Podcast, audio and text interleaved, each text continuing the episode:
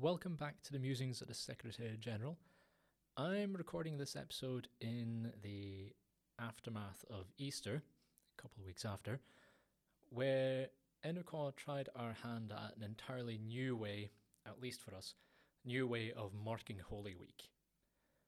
Normally, we'd have three simultaneous week long camps with scores of participants from 15 to 18 years old and a motley crew of leaders in their 20s and their 30s. Circumstances naturally led us to cancel these camps, and instead we assembled a wee team of people to film, edit, and produce videos and live streams. Due in part to the short time we had to get it all planned and organised, I took charge of the project. Not because I'm well equipped to work in media, my only forays into that field have been through catering but because I'm free to devote all my time to making it happen. Ultimately, the project was a massive success, as far as I'm concerned at least.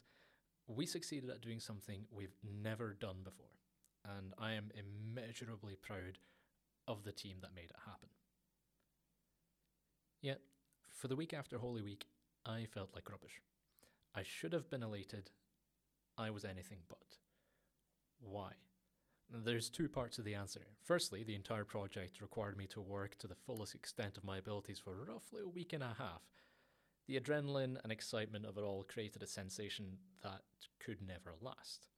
In short, I was crashing hard after a pretty solid high. I spent a week with devoted, committed, and enthusiastic people, all working towards a single vision.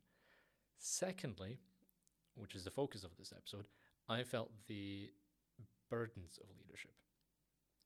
Previous episodes, I've spoken of how leadership requires one to employ one's individual and unique skills to the best of your ability. As I said at the end of my episode on the apostolate of the laity, at the right time, the right place, with the right people, you can demonstrate leadership through your strengths.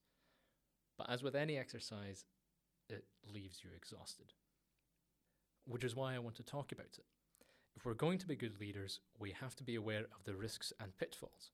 Let's peel off the veneer and have a look at the obverse side of leadership, when privilege, credit, and exaltation is stripped away. As a framing device for this process, I'm going to draw on leadership in relation to pyramids. Leaders are often seen as being at the top of the hierarchy, whereas some invert the pyramid. You're either standing on a solid foundation at the top, or you're carrying it all on your shoulders at the bottom.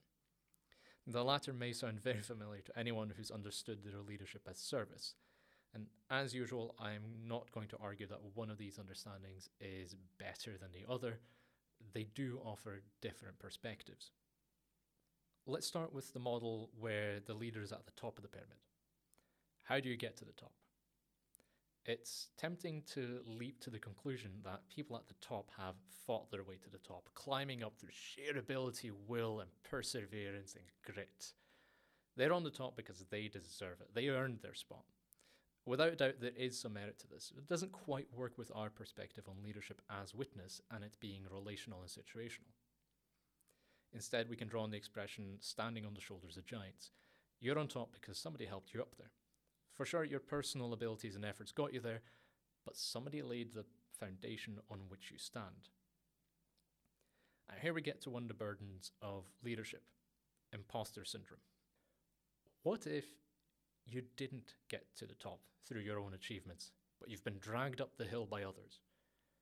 Our own insecurities make us doubt our right, if not ability, to lead. All our role models, people we admire, how do we measure up to them? Do I deserve to be counted amongst them? What if my abilities don't live up to the expectations others have of me? At the top of the pyramid, you're exposed, there for all to see. Leadership requires us to show our strengths and weaknesses, and if that doesn't scare you even a little bit, I'd like to have you as a guest.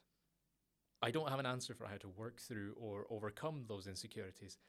If I did, I wouldn't be struggling with them myself. I frequently ask, why me? Why not someone else? And some days I feel as though I'm grasping at an answer, and other days it feels miles away. Let's put it this way when you're at the top, heights can be a bit dizzying. I just try to remember that I'm standing on a solid foundation and that those who raised me up aren't inclined to throw me down. Enukwa's leader, uh, Katrina Esquivel, said it perfectly in an interview recently Trust those who trust in you. Call it the benefit of working for a faith based youth organization. It's not particularly cutthroat. I don't worry about anyone trying to pull the rug out from under me. So sometimes we find ourselves at the top. This grants us the benefit of perspective. Remember, at the right time and place, you're there through your unique combination of abilities. In other words, you have a perspective others do not. From your vantage point, you can judge the lie of the land. But there's another hazard of being at the top. There's not a lot of room at the top, so it can be lonely at times. And herein lies another burden of leadership. The higher you get, the more removed you get from your foundation. And don't underestimate how lonely it can be at the top. Maybe that's why people at the top do so much networking. It's easier to see someone on a neighboring peak than the people who raised you up. And here we can get into criticisms of incumbents, people in positions of leadership, being too far removed from the realities of those they lead. I don't have an answer for how to avoid the sense of loneliness you can experience as a leader. I wish it did. But what works for me may not work for others. We all have different needs. My usual safeguard is to have at least one person in my team who knows me so well that they notice when I stop taking care of myself, I start retreating into myself. And in the interview with Katarina Vu in the last episode, we spoke about the importance of assembling the right team. And for me, the right team includes that person that does this. Now, the person doesn't actually do a lot in sheer just reality of it. What they actually do to make me wake up and feel less lonely is they tell me to sit down and just enjoy a meal. No ifs, no buts, just shut up, sit down, have a sandwich. Some people need a hug, others need a person to listen to them. My only advice is try and figure out what you need and don't be afraid to let someone know it. What about the inverted pyramid? We've still got the situation of the leader standing alone, but rather than on a solid foundation, the leader carries it all. It's easy to fall victim to a romanticized notion of leadership as service, but in this scenario, the leader may, figuratively speaking, be carrying the world on their shoulders. Rather than seeing yourself as lifted up by others, you're focusing on lifting others. As I said earlier, exercise can be tiring, and if you're lifting a lot, sorry, says itself. Leadership is relational, and in the regular pyramid, the foundation raises up the leader, while the inverted pyramid puts the onus on the leader to balance the rest of the structure. It's easy to think that what we want from our leaders is someone who sees our needs and serves them. And while on the regular pyramid, the leader can lose sight of the people at the bottom, the inverted pyramid has the same risk, but this time for the people lucky enough to be carried by the numpty at the bottom. And if you think about it, is there anything about the inverted pyramid that makes it tempting to be a leader?